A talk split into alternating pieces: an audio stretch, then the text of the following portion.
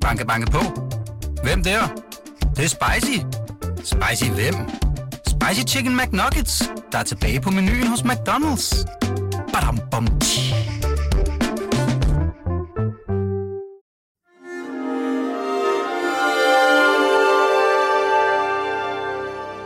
Du lytter til Avistid, en podcast fra Weekendavisen.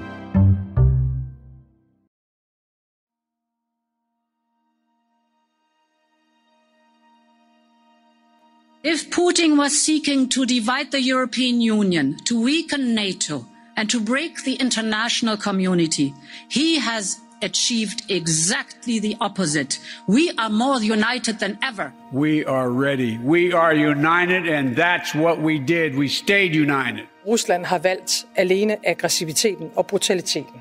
Men Vesten, vi står sammen. På få uger har Vladimir Putin forenet Vesten, NATO og den europæiske union. EU har forvandlet sig fra retningsløs og identitetsforvirret til stærkt fællesskab, der taler med én stemme. Christian Bennike, hvordan er det for dig, der har skrevet om Europa i mange år og oplevet det her? Jeg synes, jeg synes, det er vildt, og jeg synes, Joe Biden har ret, og jeg synes, Ursula von der Leyen har ret, og Mette Frederiksen har ret. Men det er ikke kun Putin, der har gjort det. Det har også været en udvikling, der har været i gang, men den er virkelig radikaliseret i de her dage. Radikaliseret, siger du? Ja, det synes jeg. Altså, det er jo helt vildt at tænke på, at alle lande, altså alle 27 lande i Europa er, har bare iværksat sådan et direktiv, som automatisk giver Ukraine opholdstilladelse, så de kan arbejde og sende deres børn i skole ja. i, i europæiske union. Hvad er, det, hvad, er det, hvad er det, der ligger bag? Hvad er det for en følelse, der ligger bag? Jeg tror, at altså Europa og EU er jo, det moderne Europa er jo bygget på 2. verdenskrig. Fortællingen om nazisterne, det gode mod de onde, som vi stadigvæk, den krig, vi stadigvæk laver, laver film om, det måtte aldrig ske igen. Og nu har vi på en måde fået en lignende fortælling med den her krig om den, sådan, den diktatoriske aggressor, som overfalder et uskyldigt og heroisk broderfolk, øh, som bare gerne vil være nogle søde demokrater. Så kommer den onde, øh, moderne Hitler. Og det er noget, øh, der mobiliserer. Og spørgsmålet er, om det så virkelig er sådan. Er det krig, der skal til for at vække Europa? Og er forandringen langtidsholdbar? Er vi europæer ikke bare parat til at stå sammen og høre ukrainsk musik og flage med blå-hvide flag? Er vi også parat til at lide sammen i fællesskab? Det er spørgsmålene i dagens avistid. Jeg hedder Martin Krasnik.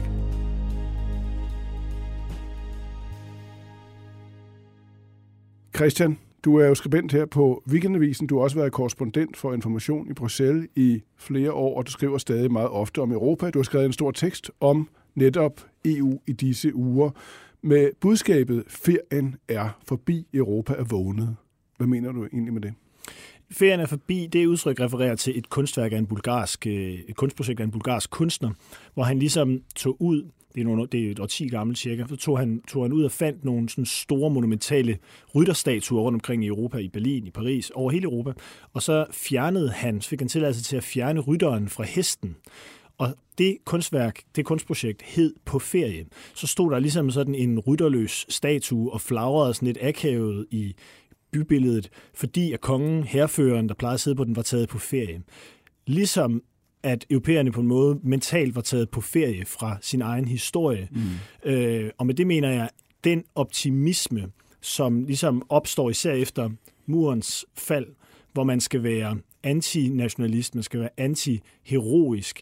I den bølge af sådan optimisme, der ligger der også en frygt. Altså, vi glemmer, at magt og kamp og krig ligesom mm. er øh, nogle præmisser, der styrer verden, og så begynder vi at nedruste, og vi tror, vi kan, vi kan handle i stedet for, at, at vi kan handle os til, at alle bliver lidt mere ligesom os. Og den tænkning, det var en ferie, tror jeg. Mm. Og nu er ferien virkelig slut. Hvornår er det nu, du er født? I 1986. Okay, så du er, du er på den måde, du nåede lige at få den sidste del af den kolde krig med, men ellers er du vokset op under, eller i et Europa, som jo har været præget af den mellemkrigstid, kan man sige, der var fra Berlinmurens fald fra 89 frem til ja, lige, lige for kort tid siden, 2022. Øh, du beskriver det som, øh, du har både talt om en, søvn og en, og, en, og en ferie. Kan du ikke selv prøve at skrive, hvad er det for et Europa? Hvordan ser du det Europa, du selv er vokset op i og fandt, fandt interesse for som, som journalist? Altså i virkeligheden, så jeg har overhovedet ikke nogen erindring om den kolde krig. Altså jeg var tre år, da muren, da, da, da muren faldt, og jeg har heller ikke rigtig nogen for alvor erindringer om Jugoslavienkrigen, det der sådan under, den undertrykte krig i Europa. Det er jo meget sjovt, vi går og siger, nu er der krig for første gang i Europa siden 2. verdenskrig. Der var altså lige, der var lige noget i 90'erne.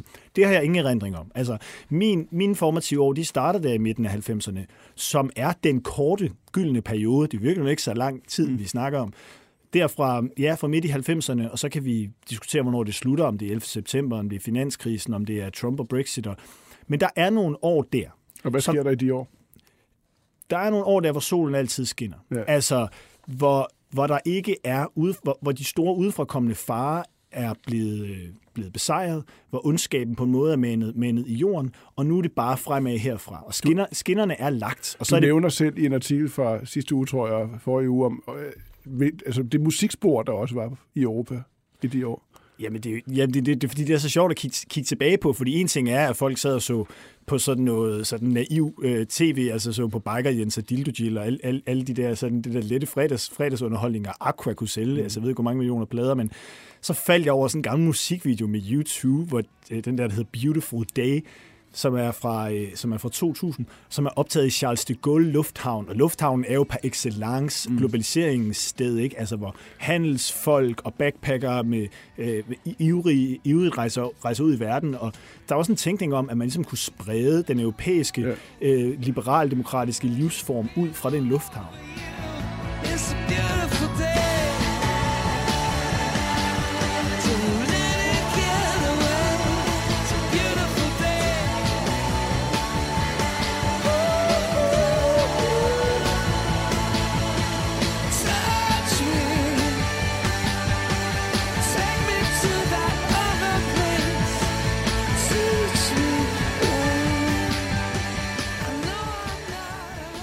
Har det også præget, altså har, har det sat sig i din sådan, forståelse, udover at du selvfølgelig har læst alle de bøger, du har læst, og ved det, du ved om europæisk historie, har det så betydet noget for din forståelse i Europa, at du er blevet formet af de år som europæer?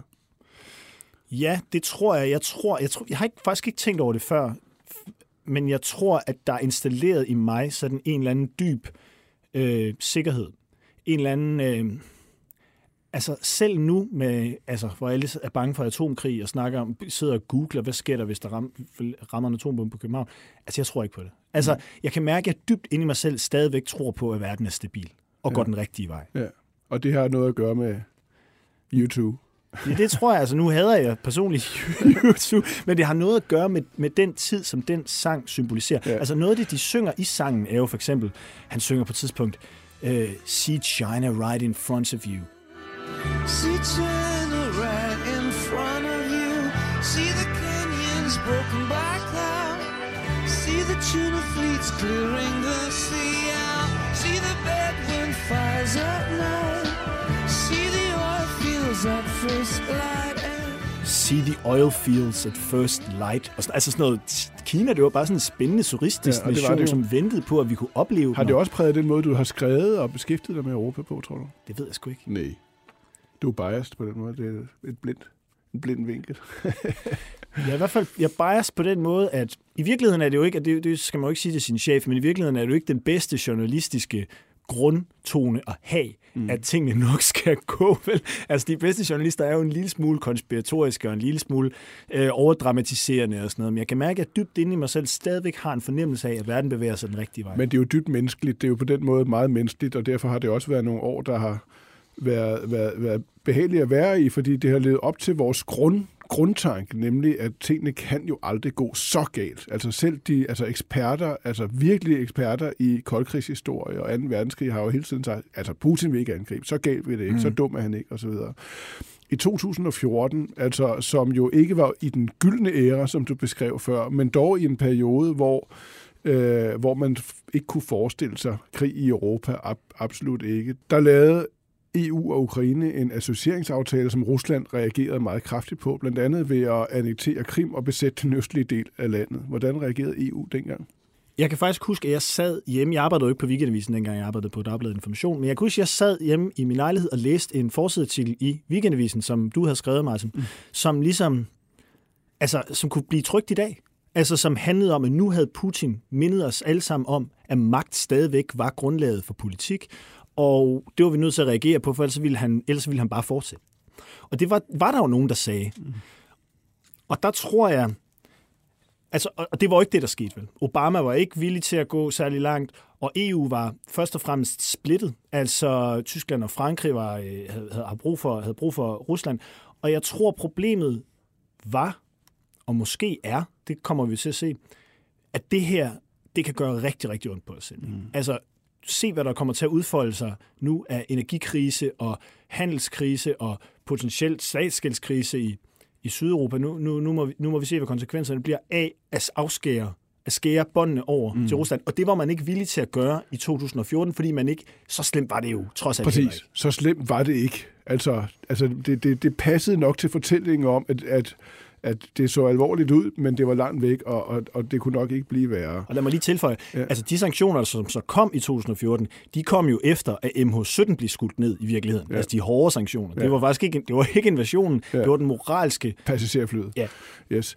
Øh, når du nu har iagtaget Europas fede ferie på nært hold, som du har i overvis, hvad, hvad er det så, du er mest overrasket over i de her dage? Altså, hvad er det for nogle konkrete udmeldinger, eller rent faktisk beslutninger fra Bruxelles, du tænker, shit, det havde jeg sgu ikke troet? Jamen, det er jo helt, helt åbenlyst, at det, der sker i Tyskland, er, er, øh, er det vildeste. Ikke? Ja. Altså, Tyskland, som har med den, med, med, med den historie, altså Tyskland opruster nu, de hæver forsvarsbudgettet til 2% af BNP, altså, og Tysklands BNP er jo det højeste i Europa, så hvis du har hvis du kører 2% af BNP, så får Tyskland måske den største her i Europa. Altså, mm. det er, og, og, og, og, alle, og sender våben til våben, hårde våben til, til Ukraine, og er nu villig til, den, ham Christian Lindner, som er, som er finansminister og, og vice, vicekansler, han er jo, har jo været den største budgethø, mm. spareperson i, i, i, i Europa i, i 10, og han er bare villig til at låne milliarder nu for at investere i vedvarende energi, fordi han kalder det friheds, øh, frihedsenergi. Ja. Det, er, altså, det, det er et helt vildt skifte, og de bare fra den ene dag til den anden stopper øh, Nord Stream ja. 2, ja. som er, har kostet øh, 10 milliarder euro og er færdig. Jeg sidder og tænker på, at øh, når man taler, om, man taler sådan om, om den måde, man overhovedet i talesætter EU på. Så vores politiske ledere har jo egentlig, når, det, når man tænker over det, altid talt om EU som et fredens projekt. Altså et projekt, der grundlæggende blev, øh, blev indledt for at, altså på, på ruinerne af 2. verdenskrig med det formål at undgå krig forever ved at integrere os. Det gjorde arkitekterne bag vores forgængere kul- og stålunionen fuldstændig klart og tydeligt. Her er et øh, klip fra Chamonix. Nous tous, allemands, belges, français, hollandais, italiens et luxembourgeois devenons européens. Il n'y aura plus de charbon allemand ni d'acier français, mais du charbon et de l'acier européen circulant entre nos pays librement, comme dans un même pays de 155 millions de consommateurs. Consommateurs. Præcis. Hvad, hvad tænker du, når du hører det budskab? Fordi det er jo i en eller anden forstand, forstand den, et oversættelse af det budskab, vi hører europæiske ledere sige i dag. Det ved jeg ikke, om jeg synes, det er, fordi det, nu taler europæiske ledere jo om at opruste og om øh, forsvarsunion og om nogle af de sådan mere ja. magtpolitiske ting. Det EU jo var skabt på, var en idé om, at man gennem handel og samarbejde kunne binde de, de stridende, tidligere stridende magter sammen. Og man startede selvfølgelig med kul og stål, Øh, både fordi, mm. at det skal man bruge, hvis man skal lave, hvis man skal lave en her, men jo også fordi, som vi ser i de her dage, at energi, ligesom at energipolitik er jo virkelig tilbage igen, og sådan, ja. hov, det var jo egentlig grundlaget for alt, vi, alt, ja. vi gør. Det havde vi jo også glemt. Det har vi også været, vi har også været på ferie fra den, mm. fra den, øh, øh, fra den præmis for vores, øh, for vores øh, liv. Og det starter med kul og stål, og så bliver det ligesom udvidet til flere og flere varer, indtil du har et stort ja. marked. Og det var jo nemlig ideen om om vandel durch handel, som man Præcis. siger. Hvis man handler sammen, så går man ikke i krig sammen. Så, så, så det, der har ligget, når vores ledere i hver altså eneste dansk folkeafstemning har sagt, at det her handler grundlæggende om at sikre freden, fortsat fred i Europa. Den har varet siden 45, og den skal fortsat vare. EU er garanten for det.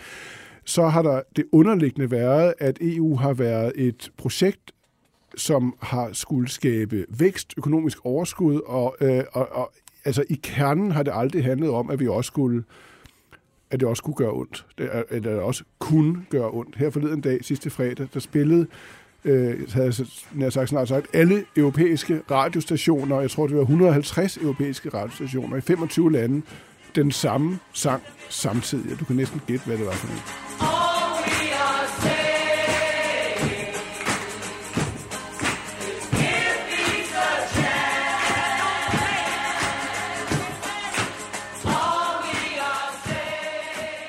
Ja. Ja. Så bliver der nok snart fred, når alle Europas radiostationer spiller den. Ja, det er, jo, det er jo på en måde sådan feriens, øh, feriens hymne, det, det, det er klart. Jeg vil, sige, jeg vil sige to ting om EU. Ikke? Altså på den ene side, så er det rigtigt, at vi har, vi har været på ferie fra magtpolitikken.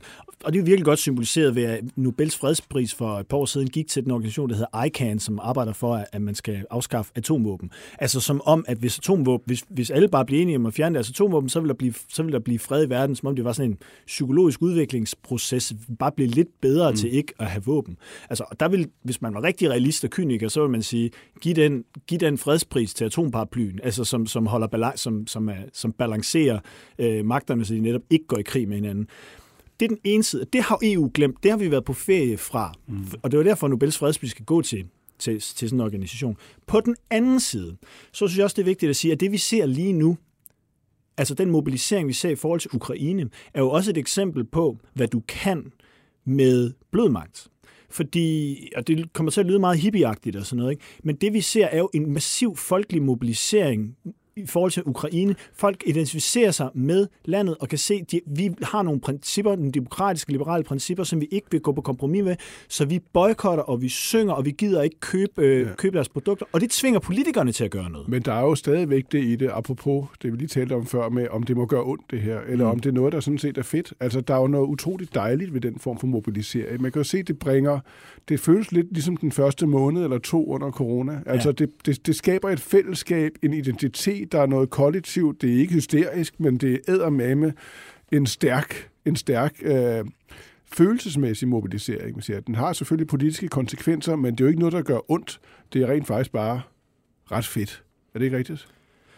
Jo, og når man ser på, altså jeg så James Prise lave uh, Chicken Præcis. Kiev på sin YouTube-kanal ja. og sådan noget. Ja. Det er klart, og, nu, og det kan, man kan grine af de der ting, og så, men det er også den slags mobilisering, som sender et signal til politikerne om, at de er nødt til at gå længere, og jeg tror, det er derfor sanktionerne bliver så hårde, som de var.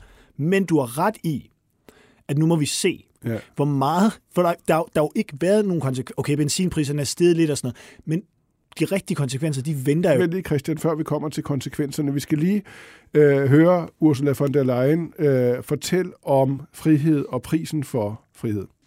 But I believe the people of Europe understand very well that we must stand up against this cruel aggression. Yes, protecting our liberty comes at a price, but this is a defining moment And this is the cost we are willing to pay because freedom is priceless, honorable members. This is our principle. Freedom is priceless. Freedom is priceless. Det, ja. er, det er jo en helt banal rigtig, tænker man, udtalelse, men den er jo også forkert. Man må i hvert fald sige, at Altså, kan vi snakke om konsekvenserne nu? Ja. Man må i hvert fald sige, at lige om lidt, så kommer det til at gøre rigtig, rigtig ondt på os selv, ikke? Og, og så bliver det, og det er det, der er skæbnens time. Fordi som du selv siger, vi er bange, vi, vi er skræmt, men der er også sådan en entusiastisk fodboldstemning over det. Vi har ikke set billederne af døde børn og sådan noget endnu for alvor, vel? Og vi hæpper alle sammen på, på ukrainerne. Men lige om lidt, altså, energi er, uanset hvad vi, altså nu sidder vi i et radiostudie her, ikke? Der, jeg har en, der ligger min jakke, der er et glas, der er en mikrofon, der er tag. Der er ikke noget, vi omgiver os med i den her verden, som ikke kræver energi for at blive produceret eller transporteret. Så hvis energipriserne stiger gas og olie, så stiger priserne på alting. Det gør Jeg har lige fyldt min bil op her til morgen. Det koster 800 kroner. Ja. Det er jo ret vildt. Ja, det er helt Det vildt. kunne også have været 1000 kroner eller 2000 kroner. Og, det, og så kan vi, vi kan komme med alle anekdoterne ikke? Om, Ja. om fiskere, der ikke engang kan... De, det giver ikke mening for dem at sejle ud længere, fordi dieselpriserne er så, er så høje. Ikke? Og, og det kommer til at fortsætte. Og hvad sker der så med en økonomi, hvor inflation... Og det er jo, infl- inflation er jo bare prisstigninger på forskellige produkter. Og hvis vi så tager, Christian, det perspektiv, vi hele tiden har haft i den her samtale om, om Europas historie og den ferie, vi har været på, som vi nu er vågnet fra. Hvad, hvad er det så, spørgsmålet om, om prisen siger om os? Øh, Du beskriver i din artikel, at vi kan godt mobilisere sammen. Spørgsmålet er, om vi også kan lide sammen som europæere. Hvad betyder det? Jamen det er, om vi vil gøre afkald på nogle ganske konkrete ting i vores hverdag. I fællesskab? I, i vores land, ja, i ja. fællesskab. For i, i en højere sags tjeneste, kan man sige. Ikke? Fordi vi vil jo ikke gå i krig, åbenbart. Det vil være det ultimative offer, ikke? En, en full-scale krig med russerne, og det er der alle mulige gode grunde til, at vi ikke, at vi ikke skal. Men hvad vil, vi, hvad vil vi så gøre? Altså, vil vi miste arbejdspladser? Vil, vil vi se på vores nabo, eller os selv, vi selv mister vores job, at vores børn ikke kan mm. komme ind på arbejdsmarkedet, at priserne stiger helt vildt? Og andre steder i Europa bliver det jo meget voldsommere sandsynligvis. Ikke? Mm. Hvis renten stiger meget, fordi inflationen Hvad tror du stiger, er svaret på det spørgsmål? Men prøv at Martin, jeg er vokset op i 90'erne, ikke? så jeg tror, nok, det skal, jeg, tror, jeg tror, det kommer til at gå. Ja. På, ved du hvad, men, men nu, nu kommer der sådan en kognitiv dissonans i mig, ikke? fordi på den ene side er, er, tror jeg nok på, at det skal gå. På den anden side, så er erfaringen jo fra 90'erne, at vi ikke aldrig har skulle ofre en skid. Ikke? Jo.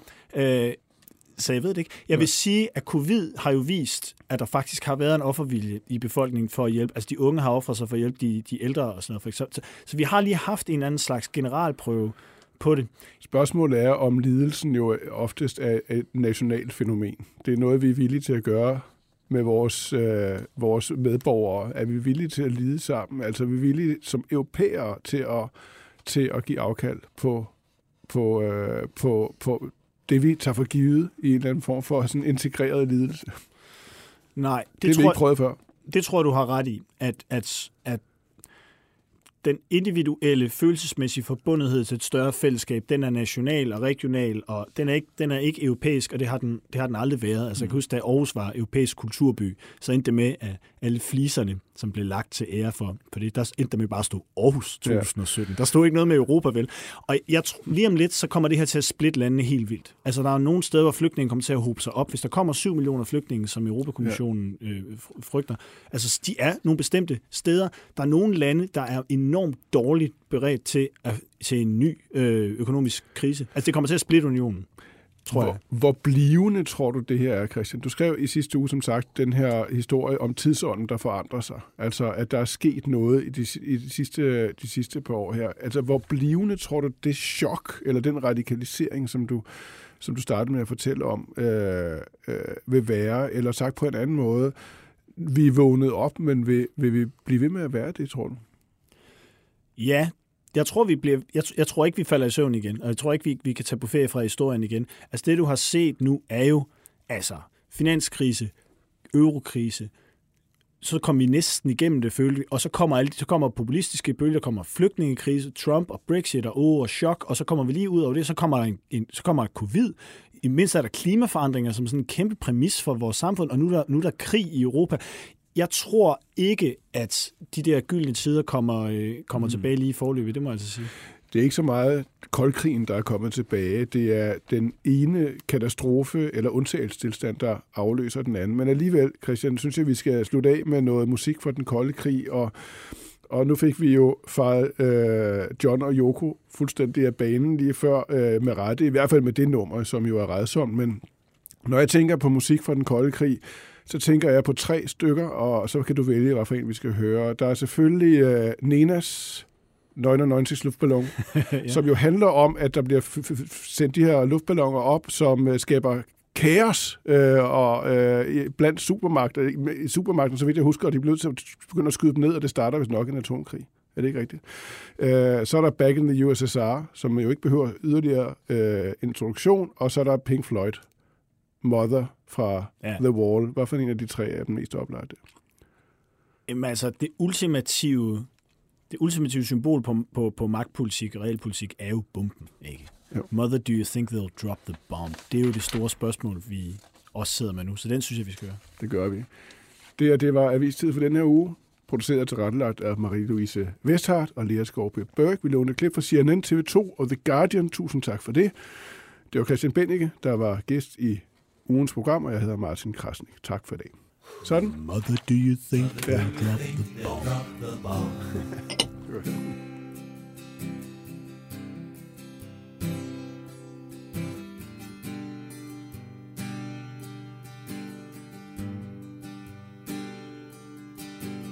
Mother, do you think they'll like this song?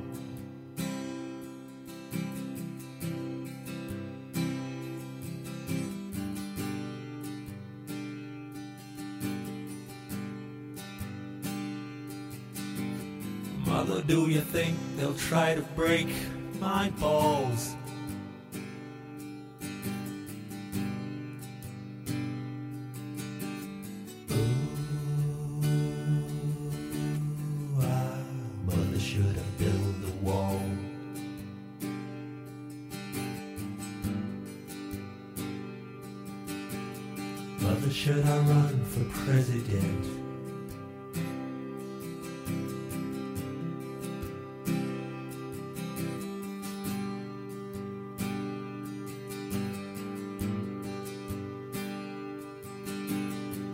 Should I trust the government?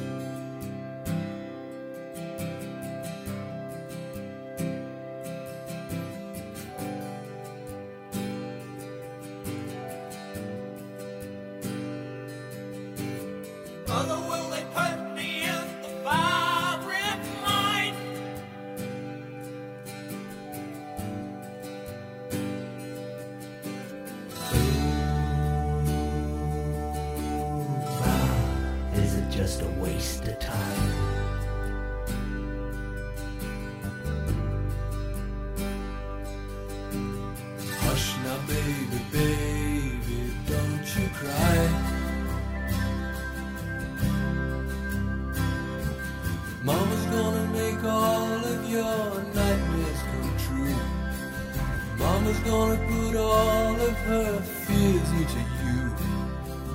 Mama's gonna keep you right here under her wing. She won't let you fly, but she might let you sing. Mama's gonna keep baby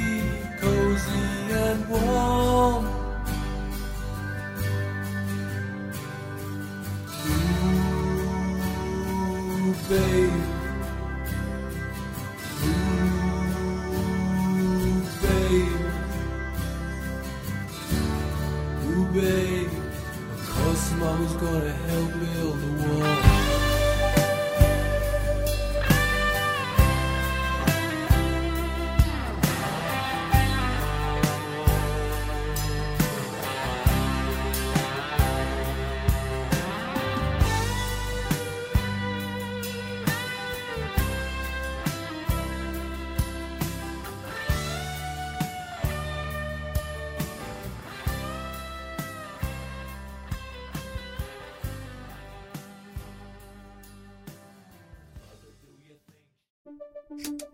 Banke, på.